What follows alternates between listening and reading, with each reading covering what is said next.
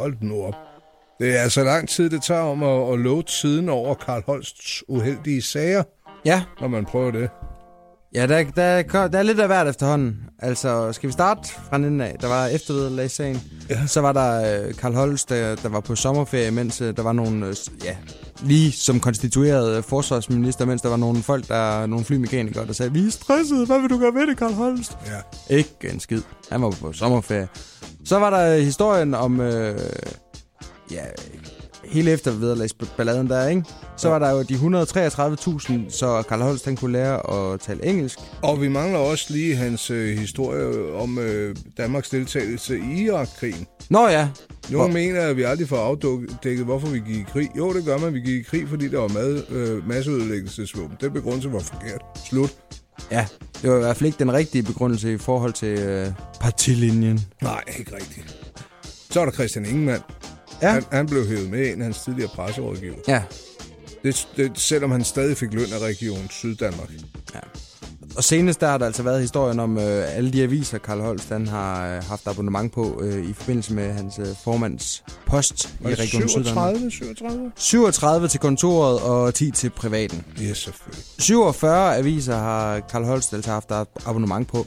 Jeg sidder lige netop og kigger på øh, medievejviseren.dk, som er sådan et sted, hvor man lige kan sådan se, hvad er der i grunden af blade, Du har været i gang med. Aarhus også og lavet et lille regnestykke. Men det kommer vi måske til. Ja, men ja, altså, det er bare det der med, at hvis han nu har fået Berlingske Tidene, BT Børsen, Ar- Dagbladet Arbejderen, Information og så Licitationen, Ekstrabladet og Erhvervsbladet, Politikken og Jyllandsposten, Kristi Dagblad og Det tager en halv arbejdsdag at ramse dem op. Metro Express, den er gratis. Hus forbi, den skal han give en 20 for.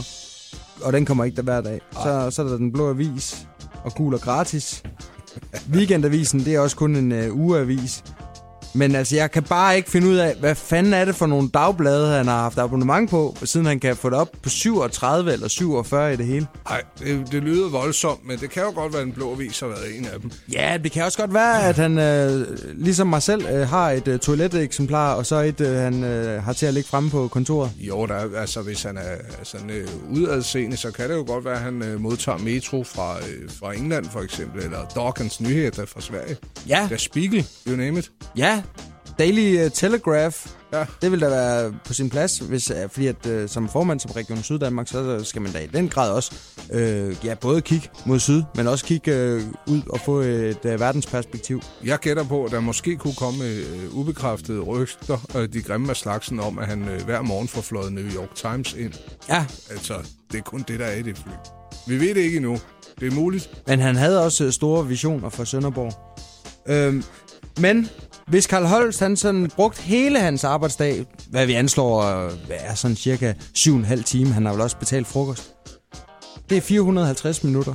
Hvis man så lige deler det op i øh, 47 aviser, som man skal nå at pløje igennem mm. i løbet af en øh, dagligdag, så har han 9,5 minut per avis.